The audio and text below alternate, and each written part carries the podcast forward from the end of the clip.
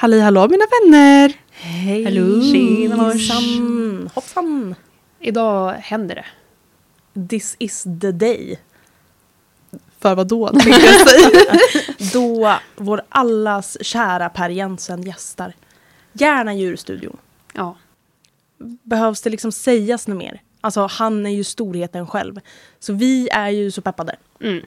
För han är ju då professor i etologi och eh, föreläser på Linköpings universitet bland annat.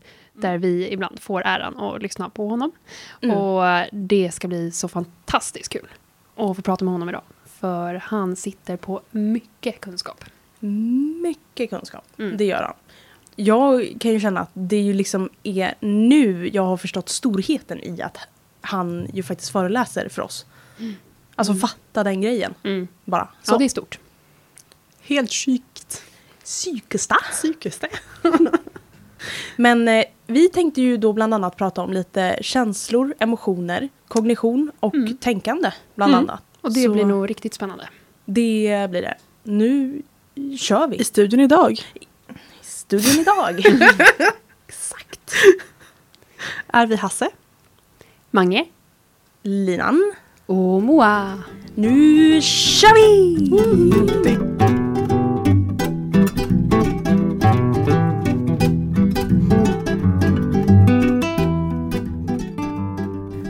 välkomnar vi dig Pelle. Hej!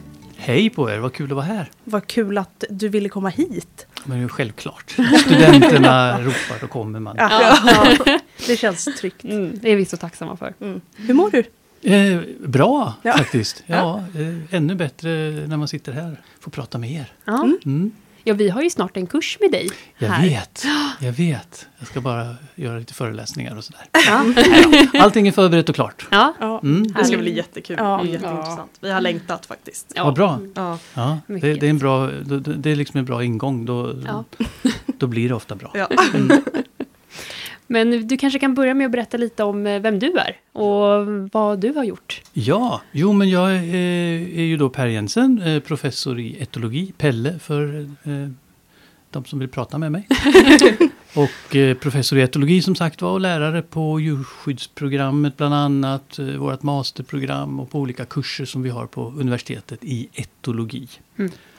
Eh, och eh, ju faktiskt också, det är faktiskt eh, min idé från början att få till det här programmet som ni läser på universitetet, djurpsykologiprogrammet. Mm. Så att jag drog och roddade i det där tillsammans med Lina Roth som jag har varit här och hälsat på er Just det. tidigare. Ja. Ja, det vart ju himla bra, programmet. Det är vi Ja. så nöjda över. Verkligen. Ja, vad bra. Ja, Ja. men Lina är en klippa och det har varit väldigt bra att jobba ihop med henne och sådär. Mm. Så att vi har kunnat förverkliga ganska många av våra idéer om hur ett sånt här program borde vara utformat. Mm. Också så himla viktigt ju, när vi väl är inne på programmet, att det ju faktiskt finns en utbildning redan på kandidatprogramsnivå som ju tar upp de här typerna av kurser som vi får läsa. Ja. Möjligheten till det. Ja, och det är ju verkligen intressant att det eh, har saknats ett sånt program Mm. här i Sverige med tanke på hur Sverige rent allmänt internationellt har ju i många år sett som ett föregångsland när det gäller djurskydd och djurskyddsfrågor och sådär. Men, men eh, den här typen av program har inte funnits tidigare någonstans. Faktiskt eh, egentligen inte i hela Norden. Så ja, men det är vi lite stolta över i Linköping. Mm. Mm. Och ni är ju första kullen. Exakt. som var- Jajamensan. Ni blir Försökskaninerna. klar, klara fram i vår. Ja, vi har lärt oss mycket av att undervisa er också. Men vi tänkte ju prata lite grann om känslor och emotioner Mm. och lite kognition och tänkande. Mm, Allt sånt där som är, ju är så himla viktigt när det ju kommer till välfärd. mm, För det är ju så himla viktigt att förstå de komponenterna för att kunna bedöma välfärden ju, hos Ja. våra djur. mm. Men ska vi liksom hoppa rakt in då? Och Ja, men det ställa, tycker jag. Ja, Mm. börjar man ställa världens största fråga. Oj, Vad är känslor? så du säger, vad är meningen med livet? Just det. Ja. Vi kunde ju börja till den ändan också. Alltså vad är känslor? Ja men det där är ju rätt intressant. Eh, om jag får bara göra en liten historisk utvikning. Eh, så när jag var i eran ålder och eh, läste etologi på universitetet så var det ju ett allmänt mantra kan man väl säga bland etologer, bland mina gamla lärare att vi pratar inte om känslor hos djur. Mm. Eh, hos icke-mänskliga djur ska jag kanske tillägga. För att vi är ju själva djur såklart. Mm. Det Eh. känns så himla främmande nu. Visst gör det? Ja, Mm. det Ja, låter och- jättefrämmande. Ja, Ja, och det här är ju inte så himla länge sedan. Ja, det är det ju kanske ur ert perspektiv. Men ur mitt perspektiv är det ju inte så där våldsamt länge sedan. Ehm, Jag kan väl då avslöja att jag eh, läste etologi på 1970-talet. Och då ansåg man ju rent allmänt att nej, det här ska vi inte prata om. Men det var inte för att man inte trodde att djur hade känslor. För det var nog de flesta naturligtvis ganska medvetna om. att Det är klart att, klart att de känner saker. Men det man menade var att vi, vi kan inte undersöka det. Vi, eftersom vi inte kan fråga dem om vad de känner så är det liksom inte tillgängligt för vetenskaplig prövning. Och därför ska vi inte prata om det. Utan vi tittar på vad djur gör för något, deras beteende och beskriver det och har en objektiv inställning till dem.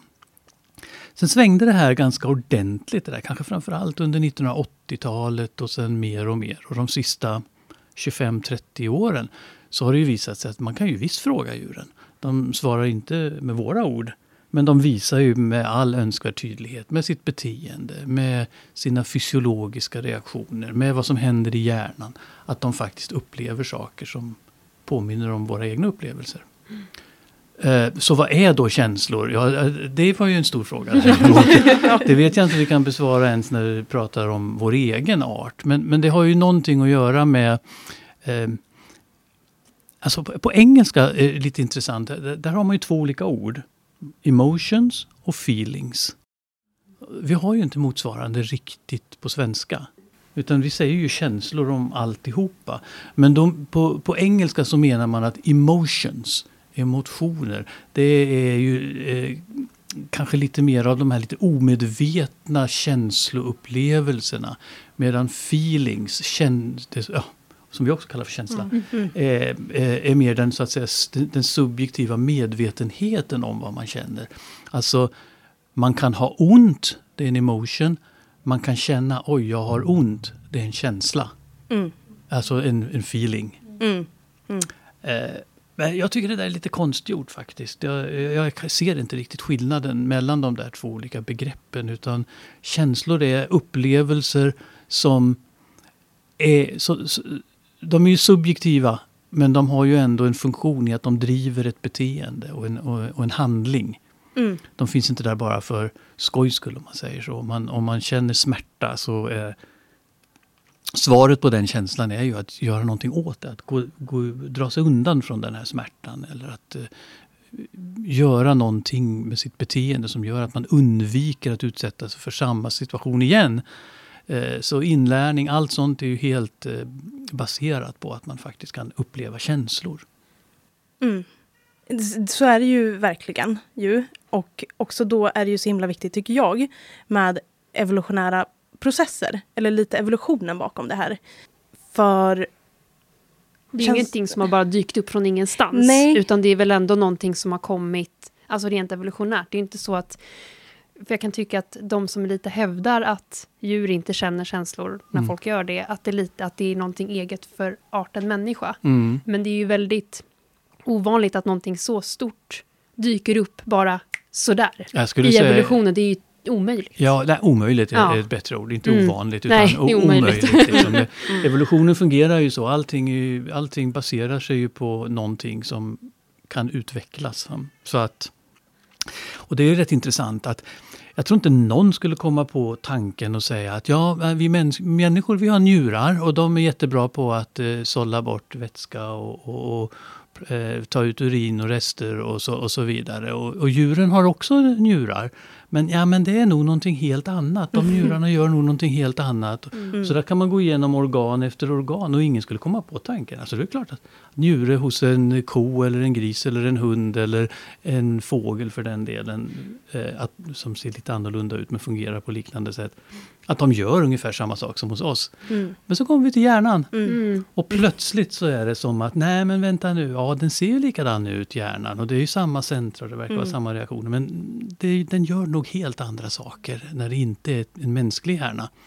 Jättekonstigt. Ja, vad tror du att det, liksom det beror på? Ja, jag tror det beror på den här gamla eh, människocentrerade världsbilden helt enkelt. Att Mm. man, eh, det, det kan ju vara en ganska bekväm synpunkt helt enkelt. Om man, Mm. om man inför sig själv och andra vill försvara Till exempel att man gör djur illa. Till exempel i, inom eh, animalieproduktionen. Eh, inte alls så roligt det som händer med djuren där. Eh, så lätt det är om man kan tänka sig då att nej men alltså kycklingar känner ingenting, grisar Mm. har inga upplevelser egentligen. Så vi kan göra vad vi vill med dem. Mm. Ja, det hade varit väldigt lätt då. Det, visst hade det varit hade det varit det? oss, vårt samvete. Och nu är det ju inte så. Va? Vi Nej. vet ju att eh, de, deras känslor skiljer sig inte speciellt mycket från våra. Och, och plötsligt blir det, liksom de moraliska problemen blir av ett helt annat slag plötsligt. Mm.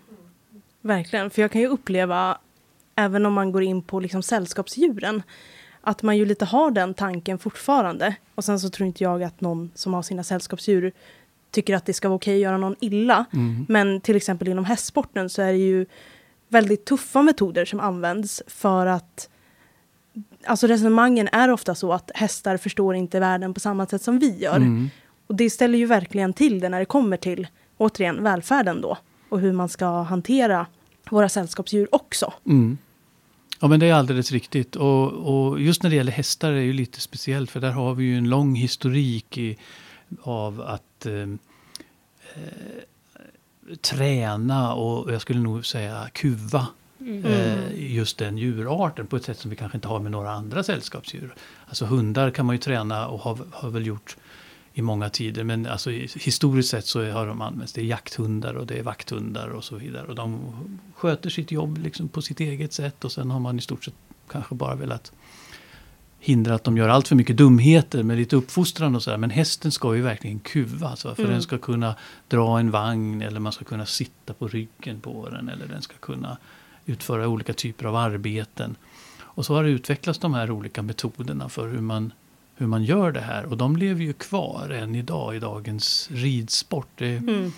eh, trots att vi vet, eh, det finns ju massor av forskning som visar att det, det funkar utmärkt att träna djur med positiv förstärkning. Mm. Och eh, även en häst klarar av det. Mm. Men det här är så inrotat i hur man, hur man beter sig mot just den här arten. Så att jag tror att det, det, det är nog en histori ett historiskt problem där. Men, men jag tror väl fortfarande i och för sig att de flesta som har att göra med hästar inser väl att de känner saker och ting.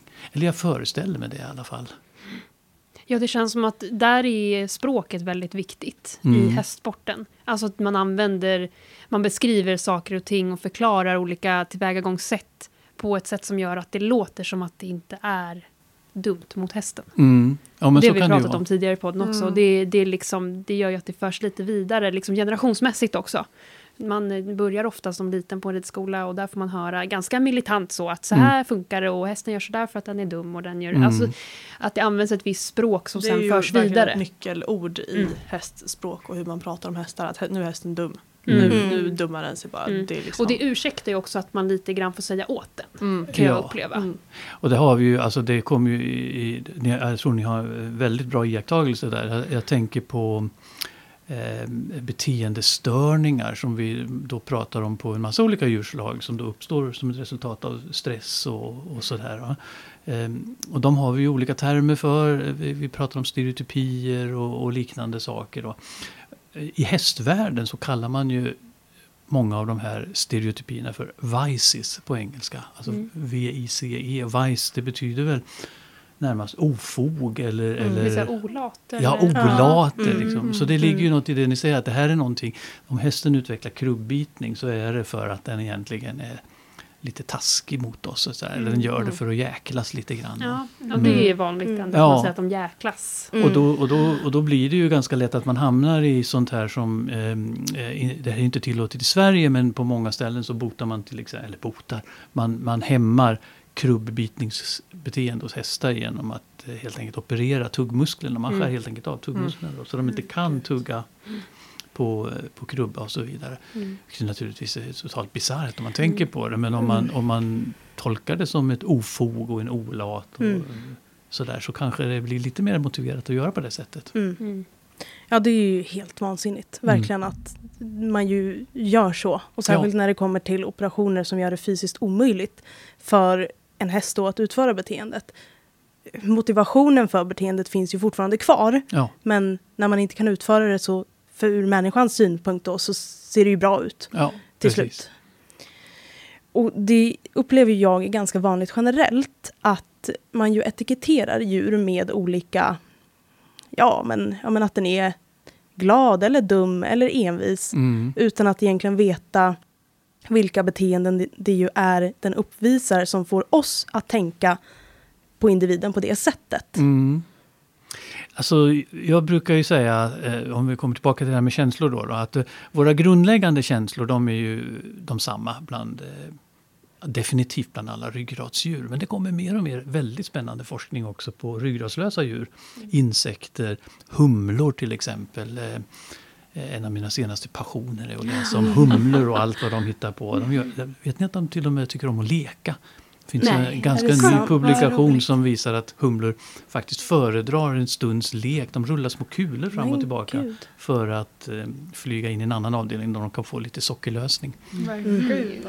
Ja, det är så väldigt trevligt. Eh, nu kommer jag av med det. Vad var jag på väg någonstans där? Eh, Det är bara Om- etiketter. Ja, precis. på- ja, men olika... ehm, det var ju det här med, med, med hur känslorna... ehm, Just det, grundläggande känslor. grundläggande känslor och hur de har liksom evolverat fram. Definitivt om vi håller oss bara för tillfället till alla ryggradsdjur va, så, så är det ju ingen tvekan om att de är eh, väldigt lika. Men det vi ju också då har lärt oss det är att även sådana här komplexa känslor som, som vi kanske traditionellt har betraktat som typiskt mänskliga, alltså avundsjuka, svartsjuka, empati, sorg och så vidare. Sådana saker verkar ju andra djur också uppleva.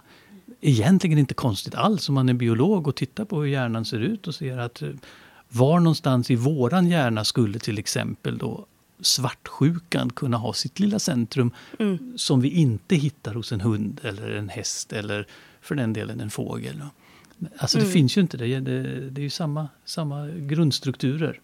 Ja, det känns som att vi har ett ganska stort behov av att hävda att vår hjärna är bäst på något sätt. Mm. Men vart man än tittar, åt vilket håll, om man tittar på storlek eller neurodensitet eller vad man än tittar på, så finns det ju alltid någon annan art som är bättre än oss. Ja, och Så det då får man prata bort det konstigt. på något sätt. Ja.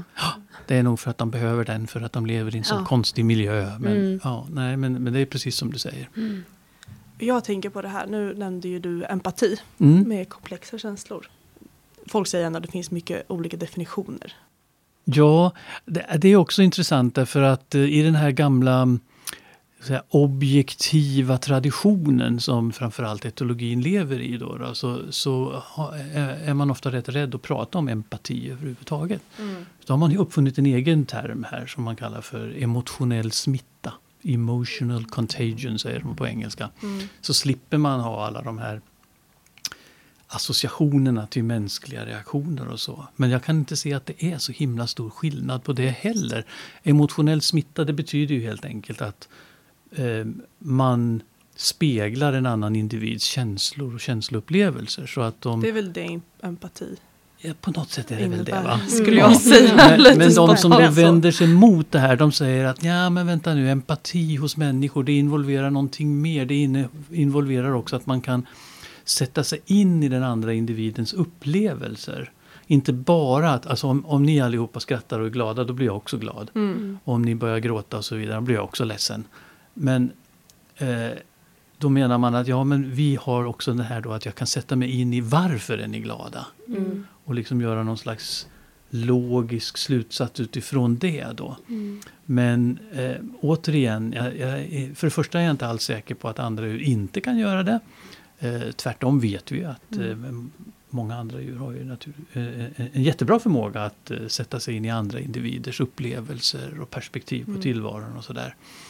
Och för det andra så är jag inte så himla säker på att vi människor alltid är så väldigt empatiska ur den aspekten Nej, heller. jag va? skulle Vi säga tycker Utan om att klappa oss liksom- själva på bröstet. Ja. Ja, men det är den här emotionella smittan är ju grunden till allting och det är ju där, liksom, där ligger ju grunden för alla empatiska upplevelser. Mm. Och det är ju egentligen kanske det som är det viktigaste. Framförallt om man tänker på djurskydd och sådär. Så är det, det, det som är viktigt för mig åtminstone när jag tänker på det, det är att jag vet att om ett djur till exempel blir uppskrämt och panikslaget under en slakttransport så Mm. kommer de andra djuren att påverkas av det. Mm. Det är vad jag behöver veta. Mm. Jag är inte så intresserad om de andra djuren kan liksom eh, göra några eh, logiska reflektioner runt det där. Utan det är ju känslorna Mm. som det handlar om här. Mm. Det finns en, Eh, en av de mer berömda eh, artiklarna inom det här med, med djurskydd och etologi och så vidare. Alltså från vetenskaplig sida. Det är skriven av Marian Dawkins som är en eh, brittisk etolog som har jobbat väldigt mycket med olika aspekter på djurskydd och tillämpningar av etologi och sådär. Och den här artikeln som kom på 80-talet den, den har en så här riktigt catchy one-liner som inledning. Och hon börjar så här. Let's not mince matters. Welfare is about feelings. Mm. Ja. Ja. Mm. Sluta babbla. Ja. Det handlar om känslor och det är Mm. de vi vill komma åt på något sätt. Mm. Och det var lite av en eh, bladvändare det där, eh, att den där artikeln när den kom. Den kom 83 faktiskt. Och, och fram till 83 så var det lite så här, nej, man är lite suspekt om man pratar om djurs känslor. Men hon var liksom väldigt tydlig redan i första Mm. meningen. Mm. Det är känslor det handlar om. Mm. Nu ska vi se hur vi kan Jättebra. mäta dem och Mm. kvantifiera dem. Mm. Ja, för jag tycker att det är just det att man så himla lätt vill tänka att ja, vi är inte helt hundra på att de kan känna empati. Då utgår vi från att de inte känner empati. Ja. Istället för att ta det säkra för det osäkra, att utgå från det. Och sen om vi skulle nu hitta massa test för att kolla det här och att vi kommer fram till att nej, men det verkar som att de inte känner det på samma sätt som vi. Mm. Då kan man utesluta det. Ja. För det känns som att då tar man lite det säkra för det osäkra. Och det finns ju en sån här gammal ehm, eh, och ytterligare en sån här eh, påstående, eller vad ska vi säga, mening som, som ofta citeras. av en filosof som heter Bentham som var aktiv på hm, början av 1800-talet tror jag, så tidigt så vi pratar långt tillbaka i tiden. Och han skrev om djurskydd och sådana här saker. Och han sa också, eh, det som man ofta citerar är då att eh, frågan är inte kan de tänka, frågan är inte kan de resonera, frågan är kan de känna. Mm. Eh, och det var hans sätt att närma sig de här djurskyddsfrågorna. För det är klart att det här är ju sånt som man har, filosofer har bråkat om i hundratals år, långt innan man visste vad som hände inne i hjärnan. Och eh, någonstans i den vevan som kom också precis det här som du sa Hanna med the benefit of the doubt. Alltså eh, är man lite tveksam, vet vi inte riktigt, ja men vi kan inte riktigt hitta bevisen för att de känner och har ont och så vidare. Nej men då gör vi det antagande som vållar minst skada. Mm. Och då utgår vi från att de... Jag hade ett eh, resonemang på morgonfikat idag. Ska man koka kräftor levande? Och, och, och här finns ju också en massa forskning faktiskt. Då. Det här är ju ryggradslösa djur. Men, men, men eh, allting tyder ju på att eh, kräftdjur, krabbor, kräftor och så vidare. De har ett utvecklat känslomedvetande. Mm. De upp, upplever definitivt smärta. Men också att de har liksom någon slags subjektiv erfarenhet av det. Trots att deras hjärnor faktiskt ser helt annorlunda ut än våra. Mm. Mm. Ja, jag tycker att det känns ologiskt att tänka att de inte skulle känna smärta. Det är totalt rädsla. orimligt. Ja, för att evolutionärt sett hade ju det varit jättedåligt. Ja, För att jag menar, det indikerar ju att man ska fly eller fäkta. Eller Mm. att man ska i alla fall göra något åt sin situation. Men det syns ju inte för människan. Nej. Lägger du ner alla i en kastrull och stänger locket Mm. och väntar tills de är klara. Då ser ju inte du stressen i Nej. liksom. nej. Och det är väl, ja. Och sen Mm. att de är så, de, de eh, är ju så annorlunda i sina uttryck. Va? Så Mm. det, det är mycket lättare, och det, och det är ju vårt eh, problem, vår instängda, eh, vårt instängda sätt att se på omvärlden. Att vi förhåller oss till sånt som vi kan tolka. Vi kan tolka andra däggdjur. De skriker och de vrider, förvrider ansiktet och så vidare. I någon mån fåglar för de flaxar och, och låter. Men en fisk, ja, den har inga ansiktsuttryck, den har inga läten som vi kan höra åtminstone uppe på land och så vidare. Så då plötsligt blir det otroligt mycket svårare för oss att förhålla oss till de här. Och det säger väl kanske mer om vår bristande förmåga till empati än vad det säger Mm. om djurens förmåga att känna. Där kan man ju Ja. prata om ointelligens. Mm, ja, vi som gärna vill kasta oss med att vi är så intelligenta jämfört Mm. med djur. Ja, Verkligen. Och det är ju just det där, alla evolutionärt sett, alla djur och arter har ju anpassats utefter vad som blir bäst i förhållande till deras levnadsmiljö. ja, Jag menar då en fisk, liksom. vad finns det för syfte för en fisk att kunna göra ljud Nej. om den hamnar på land? Det finns ju inget syfte för det. verkligen inte. Men däremot gör de ju väldigt mycket ljud under vattnet som Mm, vi inte hör. De precis. flesta arter gör ju det i alla fall. Visst. Mm. Men, men det är precis som du säger. Och om det är någonting som är basalt och grundläggande så att man ska undvika saker och ting som vållar vävnadsskada. Och det är ju sånt som gör ont helt enkelt. Om man inte kan uppleva smärta så... Det finns ju faktiskt ett sånt... Eh, nu är inte jag medicinare och sådär så att jag är ju inte alls speciellt påläst om det. Men jag har förstått att det finns ett, eh, eh, en väldigt allvarlig sjukdom hos människor som är just att smärtsinnet är helt utslaget. Alltså man saknar de här jag, jag kan inte svara på om man verkligen saknar känsloreceptorerna, de här man kallar för nociceptorer, eller om det är signalförmedlingen till hjärnan som är borta. Men man kan inte uppleva smärta. Just det. Väldigt ovanlig sjukdom och de som har det, alltså, de, ju- de måste ju liksom ständigt vara på sin vakt för de kan ju dö imorgon Mm, när som mm, helst just på det. minsta lilla sak. Mm. De kan skära sig på någonting som gör att de förblöder och de känner det inte. Mm. De kan eh, eh, bränna sig och, och gud vet allt. Mm. Så smärta är ju ingenting man vill vara utan. Det är ju en enormt grundläggande förutsättning för att överleva. Mm. Så det är klart att både en kräfta och en fisk måste kunna känna smärta. Mm. Annars blir Mm, de inte långlivade. Och det är ju verkligen helt galet när man tänker på att det ju verkligen har blivit så. Att man bara förutsätter att ingen kan känna någonting förutom Mm. vi.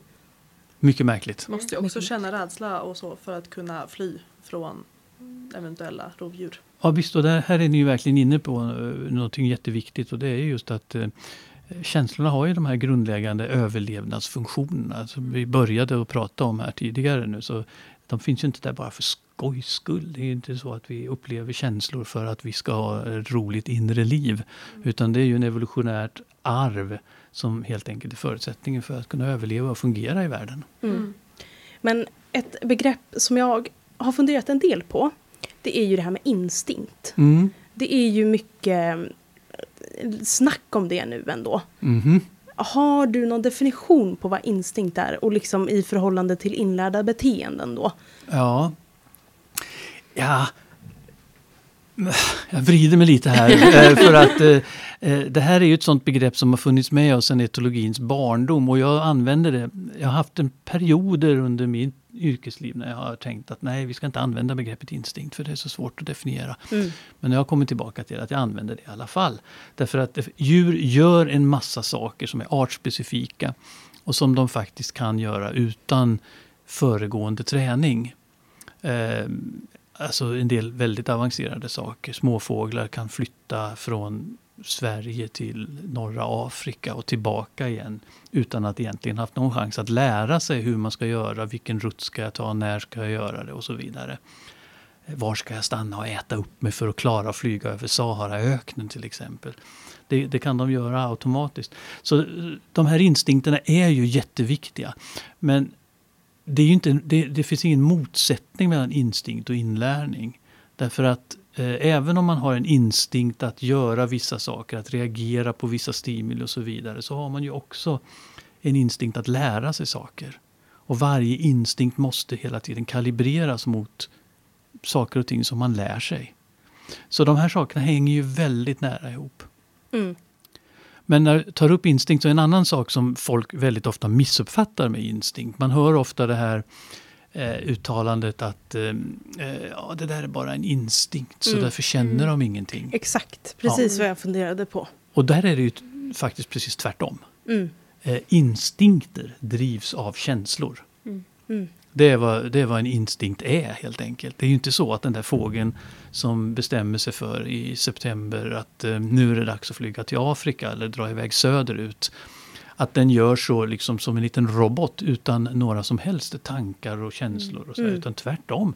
Den känner naturligtvis en inre oro och liksom en upprördhet som gör att jag kan inte vara kvar på det här stället helt enkelt. va. Jag Mm. måste iväg.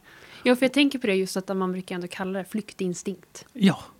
Och Ja. det känns ju lite tokigt kanske. Ja, eller jag tycker man kan kalla det för instinkt, men man ska bara komma ihåg att det, eh, det är precis tvärt emot vad många antar. Många antar att instinkt är någon slags mots, motsats till eh, eh, att känna och att Mm, uppleva saker. mm. Men instinkter, det, de drivs helt och hållet av känslor. Mm. Så ju starkare instinkt man har, desto starkare känslor är förenade med den instinkten.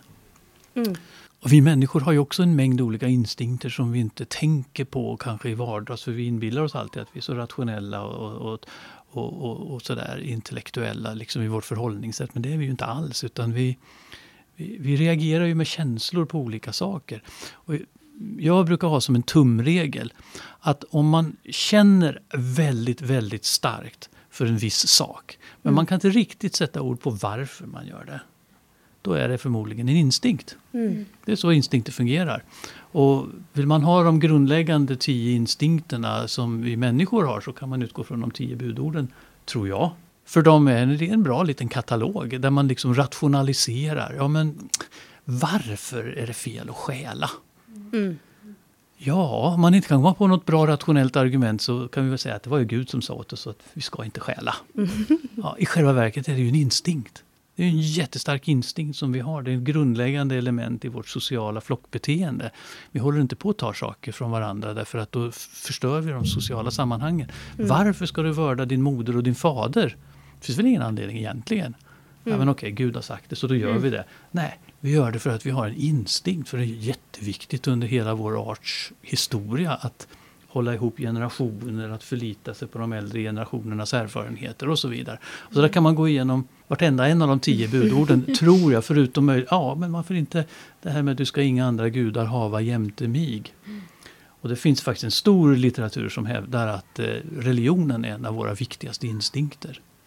Den här instinkten att sånt som vi inte riktigt kan förstå, varför, det tillskriver vi någon högre makt. Någonting som vi just inte det. riktigt... Ja, så det vi inte förstår tillskriver vi någonting annat som vi inte riktigt förstår. Mm. Så har vi åtminstone någon slags förklaring.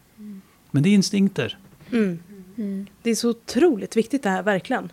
Och fick väldigt många nya perspektiv på det nu. Men det är ju just det, så himla vanligt Ja. generellt att man säger att ja, men, djur agerar på instinkt. Mm. Och sen så är det tomt därefter. Liksom. Mm. Så det är ju så himla himla viktigt att förstå att så ju inte är fallet. Alltså de agerar på instinkt men det är, det, det är ungefär samma sak som att säga att de agerar på känslor.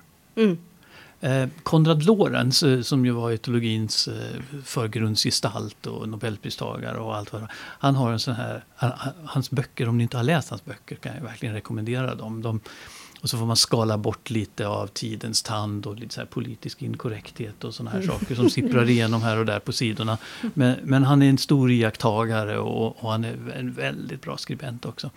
Eh, Men han eh, skriver ju en av sina böcker, han ska karaktärisera djur så säger han djur är känslomänniskor med ett mycket litet förstånd.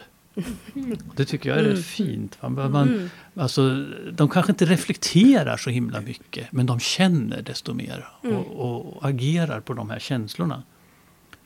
Min hund eh, eh, fatt, har fortfarande inte, han är tre år snart, han har fortfarande inte fatt, fattat att höstlöven som virvlar på vägen det är inga bytesdjur. Utan så snart det fladdrar till framför honom så är det bara liksom på det, på det. Mm. Ja. Och just då känner han ju den här uppblossande jaktlusten. Mm. Att jag måste fånga någonting som ser ut att springa ifrån mig. Och, och, och han reflekterar inte. Hade han reflekterat lite så skulle han insett att det. Kanske blir lite roligare då. Ja. Inte reflektera så himla mycket. ja, Ibland kanske, bara kanske blir vara. Ja, ja, visst. Jo, men det är ju så. Mm. Ehm, och ja, absolut. Eh, jag menar, det är ju lite av vårat gissel som människor också. Det är ju att vi kanske reflekterar lite för mycket ibland. Om det är någonting som skiljer oss ifrån våra andra medarter här på jorden så är det ju våra väldigt stora frontallober och vårt ne- neokortex. Och det är ju där som, som det pågår väldigt mycket reflektion och tankeverksamhet som kanske inte en hund eller en katt nödvändigtvis plågas av. Och jag säger plågas av, för det är ju lite plågsamt det här till exempel Mm. att vi vet, vi är medvetna om vår egen död. Vi är medvetna om en massa saker som egentligen skulle vara rätt skönt att slippa veta någonting om. Mm.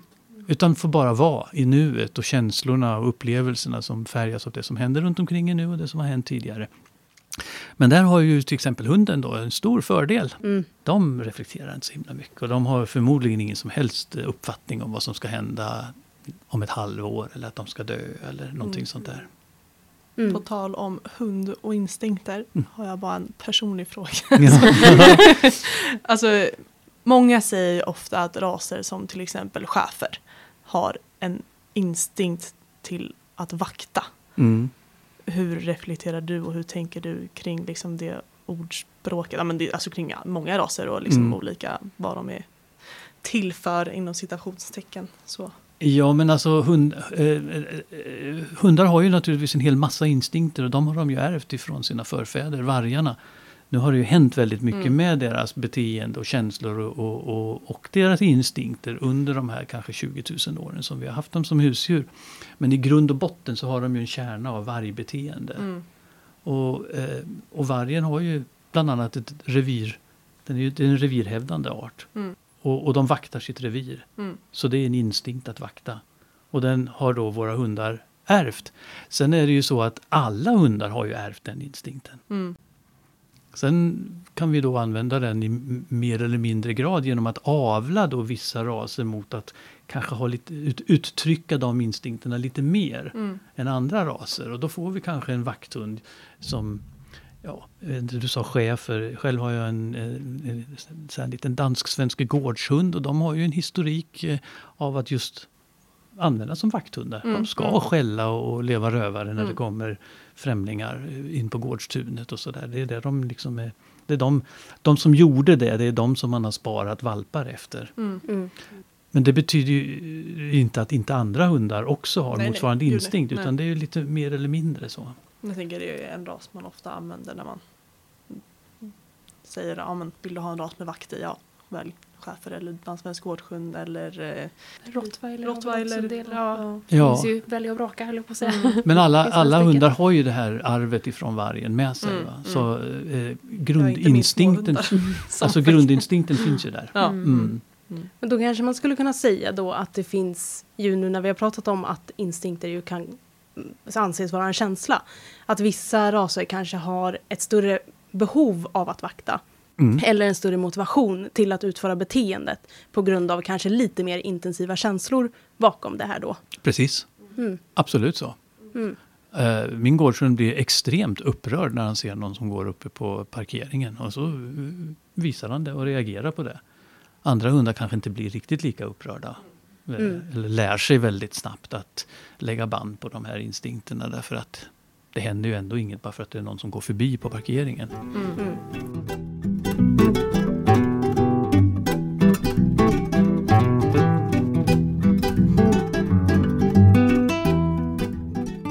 Jag tycker det är väldigt intressant med liksom flockstrukturer. Jaha, Då dels flockar som hästflockar när det bara är en av samma art. Men också lite, nu vet jag ju inte om man kallar en familj där en hund ingår som en flock. en del gör ju det. Ja, Ja, vissa dagar tycker jag att det är kul att säga så, vissa dagar tycker jag att man inte ska säga det. Det är lite dagsformen sådär. ja, Vad känner Just du idag? ja precis. Ja, Just idag så är jag nog lite inne på, det. Man kan väl få kalla det för en flock. Om man, om man, om man samtidigt kommer ihåg att en flock är en familj även i hundarnas värld. Därför att en vargflock är ju en familj. Mm. Mm. Mm. Men då kallar vi en familj som har en hund för en flock då, helt Ja, enkelt. kan vi väl göra. Ja. Då. eh, men det här med skam, det Mm. tycker jag är så himla himla intressant också. Ja, visst är det det. Vill du berätta om skam, bara generellt så? Ja, visst. Jag menar ju att skam är en... Alltså för, för- förmåga, känslan av skam Mm. är, är kanske en av de allra viktigaste förutsättningarna för att man ska kunna ha ett tätt fungerande flockliv. Ett samarbetande, en samarbetande flock. Mm. Eh, och det har ju att göra med att i en flock så måste man kunna lita på varandra. Man måste kunna eh, vara säker på att eh, hur andra beter sig, att man liksom följer lite allmänna ordalag sådär, eh, flockens och gruppens regler. Mm. Och de kan ju skilja sig rätt mycket. Om vi, nu, om vi utgår från vargen som ett jättebra exempel tycker jag.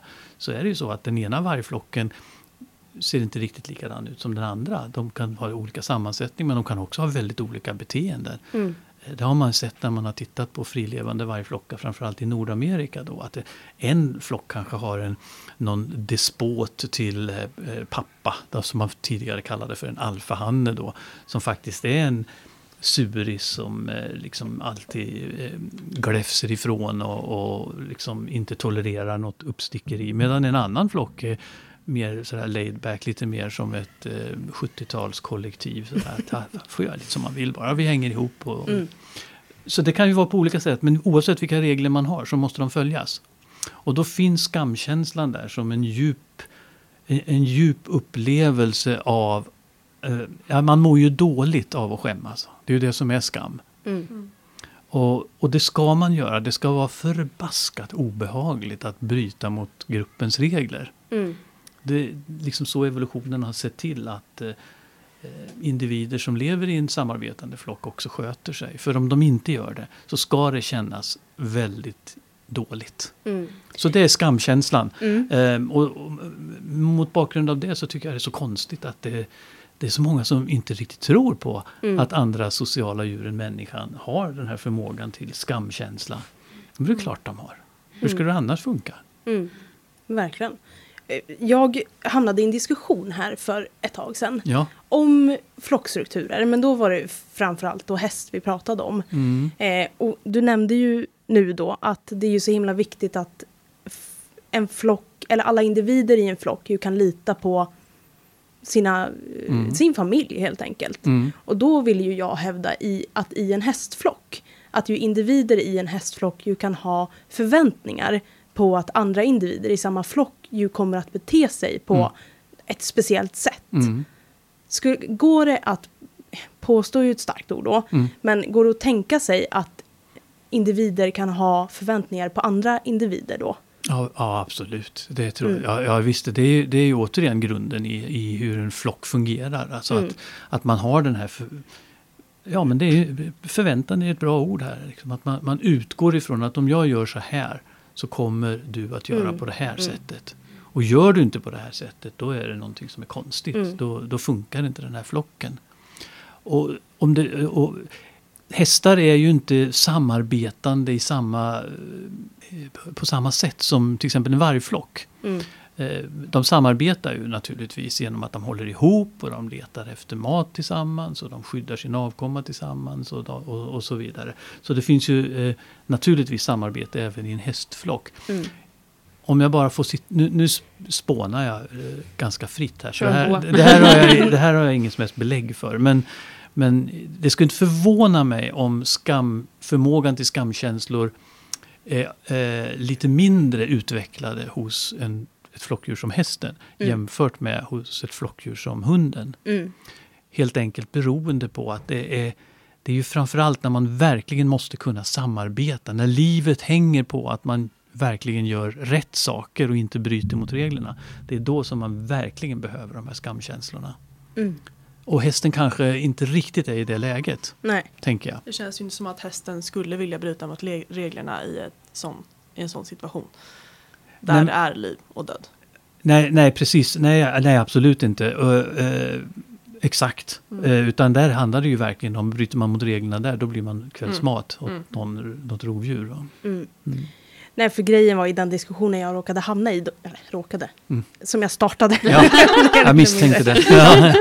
Eh, så påstod personen då i fråga att nej men den här flockstrukturen som man kan se hos häst är ju bara ett resultat av att de råkar befinna sig på samma plats. Oj, ja. På samma tid, liksom Mm. lite grann.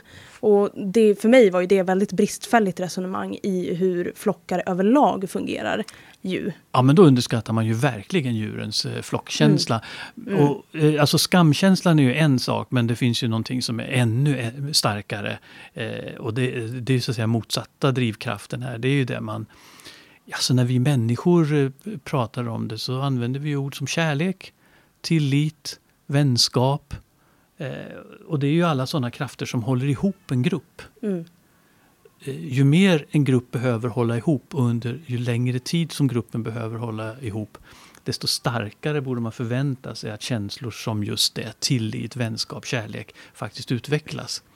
Jag har inga problem med att tänka mig att mina höns verkligen tycker om varandra. Mm. Alltså de har känslor för varandra som liknar kanske de känslorna som jag känner för mina barn när de kommer på besök och sådär. Mm. Mm. Därför att det är ju så man, det hänger ihop i flocken.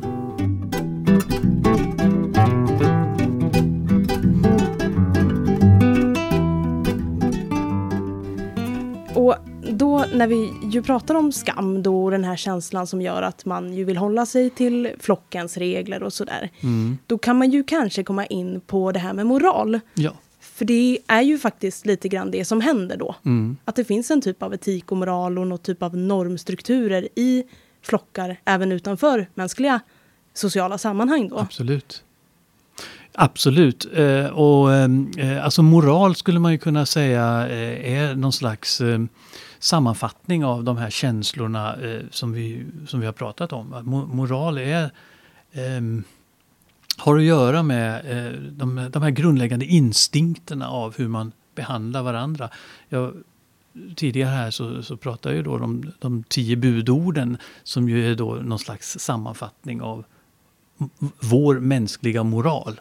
Man återfinner ju liknande listor i alla mänskliga kulturer, sammanhang, religioner och sådär. Även om vi inom den kristna kulturen kanske då kallar för de tio budorden. Men det är ju ingenting annat än en lista över viktiga moralprinciper som vi människor anser att man ska hålla sig till i gruppen. Mm. Eller som jag sa tidigare, en lista över de instinkter som är, som är viktiga. Därför att det där hänger ju ihop. För mig så är... Eh, eh, eh, jag ser gärna moral som just ett, ett... eh, Till stor del, inte bara, men till stor del en genetiskt betingad instinktiv känsla för vad som är rätt och vad som är fel. Mm. Det, det är moral. Och det måste väl varenda djurart ha någon form av uppsättning. Alltså varenda djurart som har ambitioner att leva tillsammans i flockar av något slag måste ha någon slags uppsättning av eh, normer och moral. Eh, Mm. Som kanske inte liknar våra alla gånger. Eh, men, men kan göra det i vissa avseenden. Men det är definitivt motsvarande känslor. Eh, jag ska, om vi knyter an det där till skammen tidigare. När jag pratar om skam eh, och, och djur eh, för olika människor så får jag alltid den här det här eh, mot mig, liksom, att man säger att ja men herregud, eh, min hund kan göra precis vad som helst, eh, den verkar aldrig skämmas. Eh, och då är mitt motsvar att ja, herregud, jag känner ett antal människor som aldrig verkar skämmas. De kan göra vad som helst utan att... Vi har ju till och med ett talesätt där man säger att eh, den där personen har ingen skam i kroppen.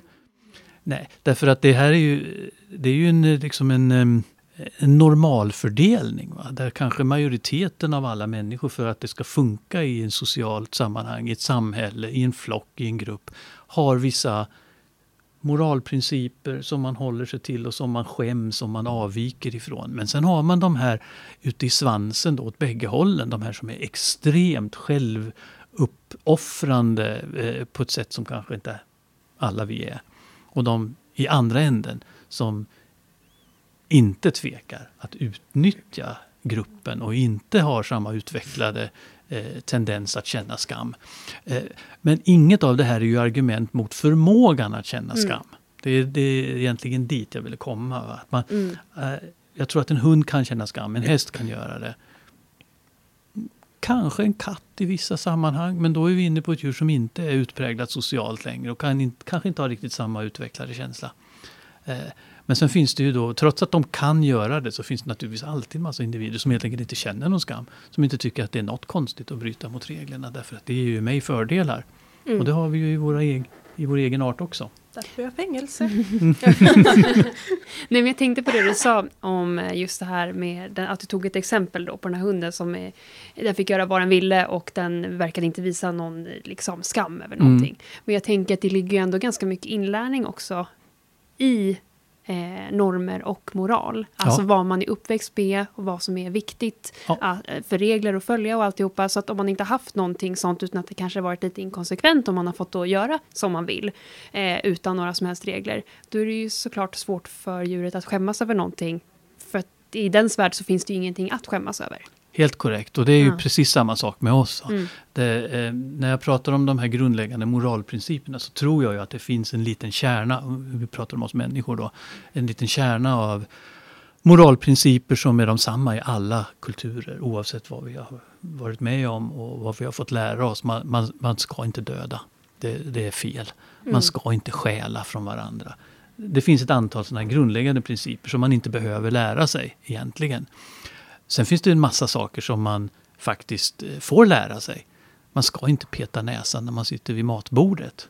Ja, det finns nog ingen instinkt där. Det finns absolut inget onaturligt. Och på, i vissa kulturer så är det jättefint att både rapa och, och bete sig i olika sammanhang. Då, för Mm. det är den kulturen.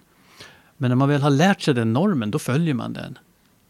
Och eh, lika fel som det vore för mig att sitta och lägga av en jätterap mitt under middagen och skulle jag skämmas över det, så kanske från en annan kultur så vore det lika skämmigt att inte göra det. Mm. Och så är det ju med djuren också. Det finns en kärna av instinktiva moralprinciper som man håller sig till och så finns det en inlärd, en mängd inlärda, kulturellt förmedlade beteenden, förhållningssätt som man också ska följa. Mm. Och det tycker jag är så intressant just med ordet kultur. För det känns som någonting så otroligt mänskligt och någonting som vi är så stolta över som Mm. människor. Att vi har kulturer och allt det känns väldigt sådär Mm. fint. Men att det är ju så intressant att det går ju såklart att hitta bland djur också. Ja, och där finns det ju faktiskt en massa forskning. Ja, Eh, inte minst på våra närmsta släktingar, primater, schimpanser, bonobos och så vidare. Där man har följt olika grupper, familjegrupper, flockar och så vidare. Och ser att de, de skiljer sig åt rätt så mycket i en massa olika beteenden. Och där har vi som kulturellt förmedlade beteenden. Där man kan, har kunnat följa hur gör den här gruppen när de ska öppna nötter till exempel. Ja, de använder en viss teknik, den ser man bara i den här gruppen. Ja, men hur, hur vet de det då? Jo, de lär sig det från sina Mm. föräldrar, tar Mm. det vidare, för det vidare till nästa generation och så. Det är ju kultur. Ehm, fågelsång som varierar från eh, region till region. Det finns ju hur mycket exempel som helst på just hur man traderar beteendeskillnader. mm, Och det är ju, det är ju vad vi kallar kultur. ja. Nej, precis. För vi hade ett avsnitt där vi pratade om späckhuggare. Just, och det tyckte jag var så himla intressant. För då pratade vi lite om kultur. Mm, Och att de även då har olika dialekter och så också. Mm. Att man ser det i olika familjekonstellationer. absolut. Det är jättespännande att se. Ja, men visst är det. Mm.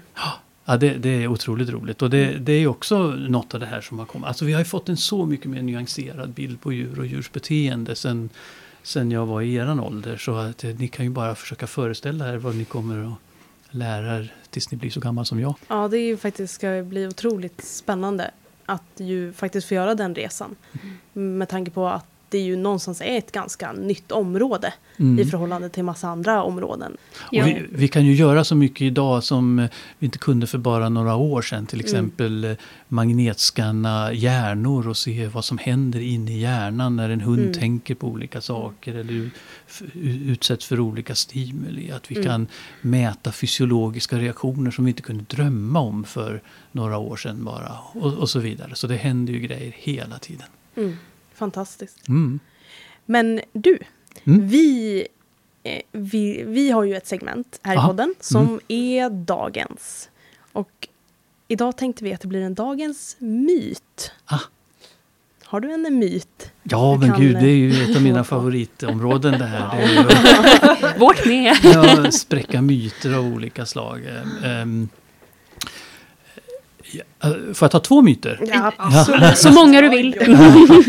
Nej, men jag har två sådana här favoritmyter som jag tycker om. En som är, eh, inte betyder så mycket, som bara är lite irriterande att den lever. Och en som faktiskt betyder väldigt mycket och som inte bara är irriterande utan eh, direkt allvarlig att den lever. Mm. Om vi ska ta den irriterande myten först så är det det här med att hundar är färgblinda. Mm. Ja, just det. Va? Mm. Alltså det, jag vet inte var det kommer ifrån, men när jag är ute och pratar för folk så ber jag alltid folk räcka upp handen om de tror att hundar är färgblinda. Och det är alltid mer än hälften som, som tror det. Ja, Okej. Eh, Som verkar tro att hundar framlever sitt liv i någon slags eh, Svartvit värld, svartvit liksom. grå, det. grå nyansvärld. Mm. Är det så många som verkligen tror det? Ja, Jag, jag blir lite paff. Ja, men det är bara för att ni har ju haft Lina Roth som har lärt er Ja. allt om synsinnets exakt. uppbyggnad. Så ni vet ju att de är bikromater Mm. och att eh, de faktiskt inte ser världen så annorlunda som vi. Eh, men de är ju i princip rödgrön färgblinda. Mm. Mm. Eh, och då brukar jag då också få höra, ja men då är de ju färgblinda då. och då brukar jag alltid kunna fråga, men finns det någon i församlingen som är färgblind av de personer som sitter där? För vi människor kan ju vara rödgrön färgblinda, eller rättare sagt, vi män kan vara det. Därför att det är ju en sån som eh, könsbunden egenskap som nästan, nästan bara nedärvs på manssidan. Och då brukar det alltid vara någon där. Och då frågar de, "Men, ser du färger? Mm. Och då tittar de på mig som inte var klok och säger, ja, det är klart jag gör. Ja. Ja. Men ser du, ser, så kan man peka på någon, vad är det för färg på den personens tröja? Ja men den är ju röd. De ser rött, de ser grönt. Det som be, det betyder att vara rödgrön färgblind det är att ibland så flyter vissa färger ihop. Det kan vara lite svårt att ibland i viss belysning utskilja röda föremål mot gröna. Då tenderar de att gå ihop lite grann. Men hur de faktiskt ser ut, det, det, för den som upplever det där, det, Mm. Det är ju väldigt svårt att säga. Men de själva upplever naturligtvis att vi, klart jag ser färger. De kan benämna alla färger och nyanser och sådär. Mm. Mm. Så hunden ser precis på det sättet. Ja. Och det där är ju bara en sån här liten irriterande grej. För egentligen påverkar det ju inte vår relation till hundar och det påverkar inte deras liv. Om vi jägare tror att de är färgblinda. Ja, so what? De ser ju världen som, som de gör ändå. Men irriterande. Men Men irriterande. det pekar ju också lite på den här att man utgår från människan också. Ja, För att det är ju såklart att ni inte kan vara färgblind för någonting som ni inte ens har förmågan att se, kan jag tänka.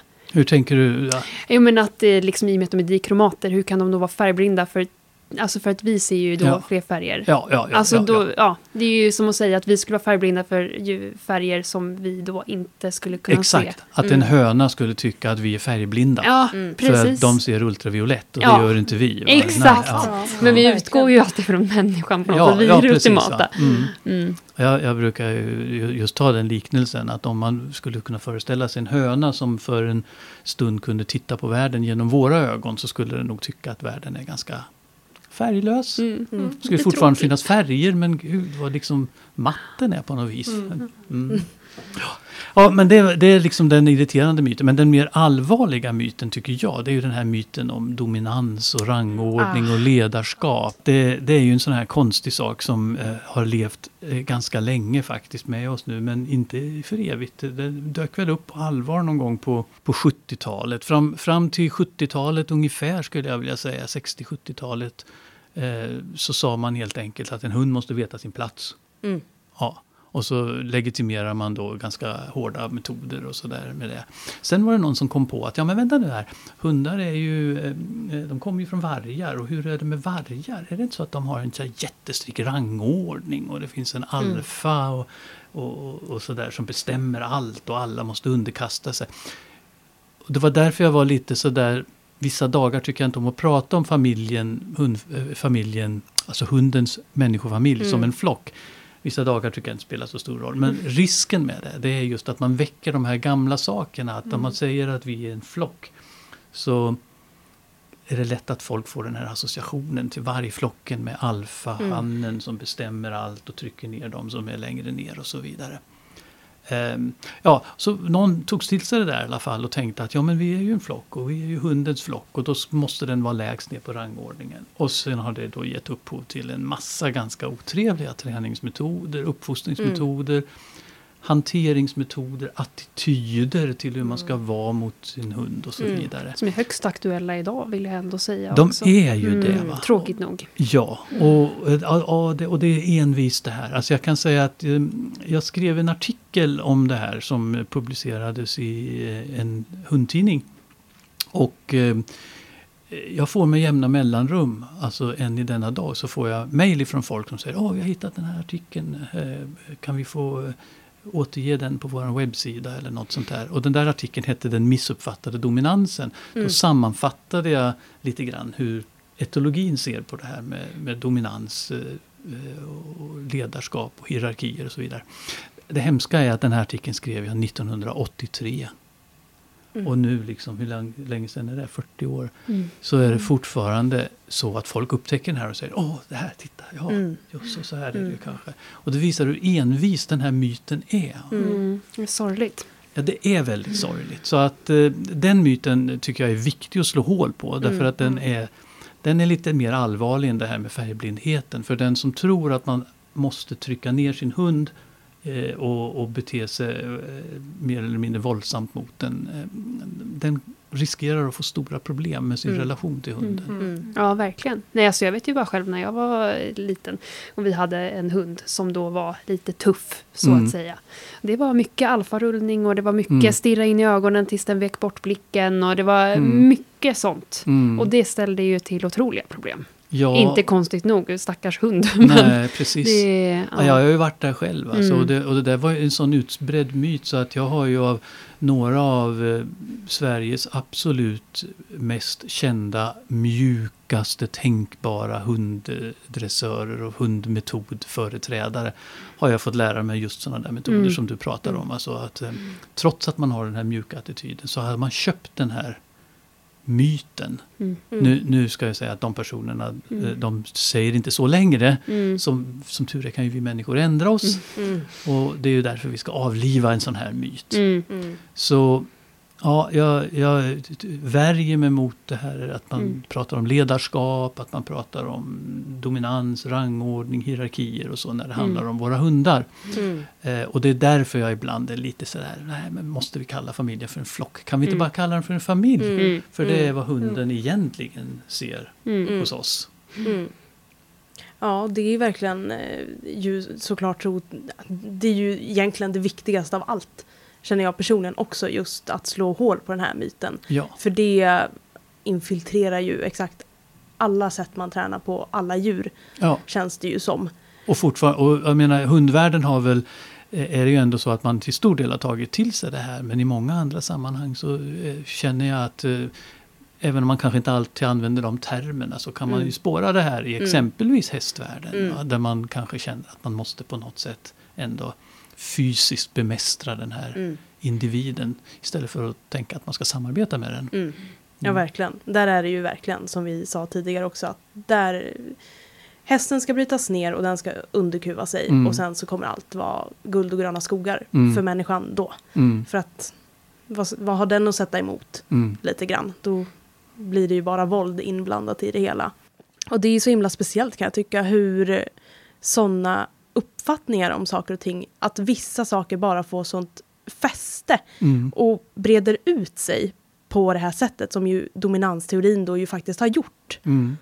Och, och det där är, alltså det är ju, det är ju någonting och, och det, det, är det är lite av en balansgång det här. Va? Därför att eh, det går ju inte att förneka att det i en djurflock finns en hierarki i någon mening. Det beror lite grann på hur man definierar den där hierarkin. Men det finns en, det finns en rangordning i Mm. betydelsen att varje individ i en flock om det är en hönsflock, eller en vargflock eller en hästflock, så vet varje individ vad den har för relation till var och en i övrigt. Vem kan Mm. man liksom utmana om det skulle uppstå en konflikt? Mm. Vem ska man gå undan om det skulle uppstå en konflikt? Stora problemet det är att ganska länge så var man helt fixerad vid att bara för att man har- det, det är förhållandevis lätt att mäta fram en hierarki i en djurgrupp. Eh, Det, det kan man göra som en liten laboration på en eh, grundkurs i etologi. Mm. Det är bara att se till så att det inte finns tillräckligt med mat åt alla. Mm. Så ser man Mm. väldigt snabbt vem som tar för sig och vem som inte tar för sig. Men i, i och med att man har varit så fixerad vid just det här, då har man totalt missat allt det här andra. Alltså kittet som håller ihop flocken. Mm. Konflikter, det är ju någonting som stöter isär en flock. Konflikter är ofrånkomligt i alla grupper, mänskliga, hästliga, hundliga. Så uppstår konflikter och de måste man lösa på något sätt. Men om det bara är konflikter, då vet ju vi vad vi människor gör. Ja, men då, Mm. då, då skiter vi i det här. Då löser vi upp gruppen. Mm. Och det gör ju djur också såklart. Så Mm. det måste finnas ännu starkare krafter som ändå håller ihop dem. Att trots att vi har konflikter, trots att vi tycker olika, så tycker vi ändå så mycket om varandra och får så mycket utbyte av våra samarbete så vi tänker fortsätta hålla ihop och så löser vi konflikterna. Mm. Så det, jag säger ju inte att det inte finns en rangordning i en djurgrupp, men jag säger att det inte är den som är liksom förhärskande sociala relationen. Och den behövs framförallt inte i relationen mellan människa och hund. Där är den totalt meningslös. Hunden har fullständigt klart för sig att vi konkurrerar inte om tuggben och eh, doggy torrfoder. Liksom det, det, det händer inte. Och det, vi människor behöver inte hålla på och tala om för hunden vem som bestämmer. För vi bestämmer hela tiden åt hunden. Vi Mm. bestämmer Mm. när de ska äta, när de ska gå ut, när de ska gå och Mm. lägga sig och så vidare. Ehm, Så det är liksom aldrig något problem. Det, det är ingenting som vi behöver bekymra oss om.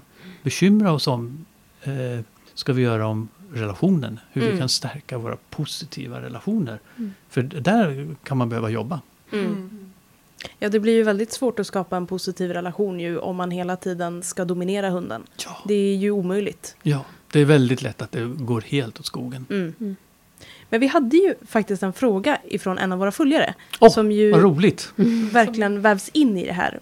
Kanske är besvarad redan. Men Precis, ja. hon, hon frågade även, hon hade frågat så här, är det möjligt att djur kan respektera människor alternativt kan människan dominera över ett djur? Och Mhm. jag tänker vi har varit inne lite på dom, dominans då, men respekt, för det, är ju, det pratar man ju ofta om, Mm. att djuret ska respektera. Mm. Och det går väl Mm. kanske ihop lite med dominansen då. Men... Jag vet inte riktigt vad res respekt är ju ingen sån här etologisk term som jag Nej, använder till väldigt vardags. diffust. Ja, nej men alltså om, det skulle, om man skulle försöka fundera lite över vad det skulle kunna vara så handlar väl respekt om att på något sätt acceptera att... Eh, nej, jag vet inte riktigt, vad är respekt? Ja, det, Mm. Det, Vad menar vi när vi Verkligen. säger att vi respekterar andra Mm. människor? Jag tänker att eh, med hästar brukar man ju säga att hästar ska respektera vårt space. Mm. Alltså att hästen ska inte komma in för nära en Mhm. själv. Och Mm. att det ska då göras av att de respekterar Mm. oss. Så respekt i det läget skulle handla om någon slags eh, ja, någon typ av undergivenhet. Att man eh, har någon, någon slags spärr eller aversion. Men Mm. jag tänker att eh, eh, när vi pratar om respekt mellan oss människor så menar vi nog inte det riktigt. Utan att, jag menar, jag respekterar er som studenter för att ni gör en podd. Det tycker jag är Mm. respektingivande. Eh, men det är ju mera att jag, någon slags beundran eller att jag tycker att ni gör väldigt bra saker. Mm. Mm. Eh, det är ju inte, det är ju ingen aversion på något sätt. Så jag tror att det har mer att göra med hur man använder Mm. orden. Här, Mm. Och som du beskriver det här med respekt och personlig space och sådana saker. Så han låter det närmare det här med dominans. Mm. Att, man, ska liksom, att Mm. man tänker sig att hästen ska se på oss människor som mm, någon rang högre. Mm. Som man inte ska komma för nära. Varför ska man inte komma för nära en som är ranghög? kan man ju fundera Mm. över också. Mm. Jag tror personligen att de två begreppen är väldigt överlappande i sådana här tankegångar och Mm. eh, så. Mm. Jag tycker inte heller om att höra på samma sätt som jag inte tycker om att höra ordet dominans Mm. så tycker jag inte om att höra ordet respekt. Nej. Nej. Absolut att det ska finnas en ömsesidig jag skulle inte heller kalla det för ömsesidig respekt, det är bara att man ska liksom acceptera. Jag tycker Ja, det är viktigare ja, att fokusera på att... Acceptera är Ja. ett- ett bra ord. Acceptera Acceptera. varandras känslor och Mm. åsikter och så. Mm. Det låter som en bra vinkling på det hela. Det, Mm. det skulle jag kunna skriva under på. Vi kan ju passa på att ta en till fråga då. Mhm. Och då lyder den så här. Eh, när man pratar om retningströskel, aggression hos hund, så vill folk ofta använda ordet arg. Jag tänker spontant att en hund inte kan vara arg. Hur ser du på det? Eh, varför skulle den inte kunna vara arg? Alltså arga är ju känn, eh, det, det är den här känslan som vi har pratat om hela tiden nu idag. Eh, det, det är känslan av att man vill försvara sig eller att man vill eh, eh, etablera någon typ av eh, äganderätt över någonting. Eh, då blir man arg. arg. Arg är en känsla som hör ihop med aggressivt beteende. Mm. Jag tror att det väl lite mer dit personen ville komma. Och hur man liksom, alltså om man alltid måste koppla ordet aggression till att vara arg. Ja, och det tycker jag. Ja, absolut. För mig är de i princip eh, synonyma. Mm. Men jag tänker också att en hund kan uppvisa aggression på grund av rädsla också. Ja, Okej, nu är jag med. Mm. Mm. Jag tänkte precis på det också. Mm, För jag ja, men- tänker ja, att det, du brukar man ju ofta i. prata om, Mm. känner Ja. jag nu, i alla fall i de kretsar som jag rör mig Mm. kring. Att det är mycket det här att den uppvisar aggression men att grunden till det är rädsla, osäkerhet och Frågan Andra är ju om det verkligen är aggression då, Mm. eller om det är ett väldigt lika beteende. Ja, I exakt. förhållande Ja, till precis. aggression. Ja, det, det är lite grann, ja, det- det, är en intressant förveckling det här eh, nu då. Ehm, kan det inte vara så här, eller är det inte så här att om man är eh, jag försöker översätta det till eh, mänskliga känslor. Om man blir inträngd i ett hörn eh, och man blir vettskrämd av någon som angriper en. Mm. Eh, vad gör man då? Ja, man- eh, åtminstone en del människor kommer nog att försvara sig. va? Man sparkar och slåss och river. Men det gör man ju och för att man både är rädd och arg. Mm. Om man Mm. bara är rädd, om man bara är rädd, då sätter man sig väl och håller för huvudet liksom och Mm. trycker. Mm. Va? mm. Så ja, alltså rädsla och, eh, och ilska, de är nog ganska sammanvävda. Det kan Mm. nog vara det i alla fall i vissa sammanhang. Ehm, men det, ja, jag förstår frågan. Bra, bra tankar där. Ehm, rädsla kan ju vara en utlösande faktor Mm. för aggression. Mm. Mm. Mm. Men när Just man det. väl visar det aggressiva beteendet, eh, det är svårt att se att man visar ett aggressivt beteende utan att vara arg. Sen kan man ju försvara sig på olika sätt. Mm. En hund kan till exempel bitas eh, i, i ren skräck. Mm.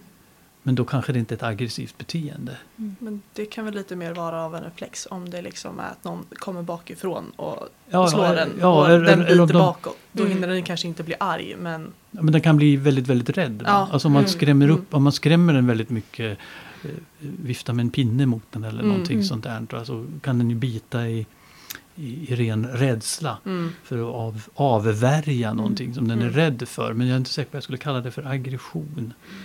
Mm. Men, men ja, det kanske inte finns något helt rätt eller fel här. Utan att det är lite olika hur, hur man använder orden. Jag minns återigen någon av mina, det här är en diskussion som jag haft med många människor efter det. Är, är predation, är det aggression? Alltså man tänker sig, för jag är sån här att jag, eh, jag får ofta lite skäll av mina nära anhöriga för jag är en sån här som ibland irriterar mig på uttryck jag hör på radio och tv. Och nu Ja. under sensommaren har det varit mycket snack om aggressiva myggor. Ah, ja. Ja, och varenda gång jag hör det så skriker jag rätt ut och säger de är inte aggressiva.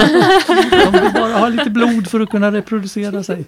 Ja, ehm, men, men vi har ju en tendens att använda ordet aggression för liksom allting som kan vara lite, lite negativt. Då, och även då predation. Va? Men jag minns just en av mina gamla etologilärare som sa att eh, lejonet är väl för tusan inte förbannad på antilopen. Nu är vi jätteglada på antilopen. Dyker Ja, upp där som en liten måltid, den, men jag. inte för att han är arg på Nej. den. Utan Nej. för att eh, det är så man gör när man är lejon och vill ha mat. Va? Mm. Mm.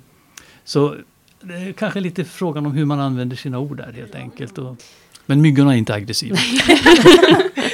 Sammanfattning av hela Ja, take home message. Myggor är inte aggressiva. De kan nog vara det men inte när de sticker Nej, oss. just det. Men känner du att det är någonting... vi har missat. Ja, men precis. Ja, nej gud, vi har ju pratat om massor här Ja, det har vi idag. Ja, det var ett jättetrevligt samtal. Det var jätteintressant. Verkligen. Alltså, Ja, vad verkligen kul. Mm. intressant. Men då tackar vi dig för att du ville gästa. Återigen. Tack för att jag fick komma. Och har ni några egna funderingar eller åsikter eller tankar så kan ni ju höra av er till oss. Och då finns vi på Instagram, där vi heter Gärna Djur. Eller på Facebook, där vi heter Gärna djur. Bye bye bye! Bye! Bye, bye, bye, bye.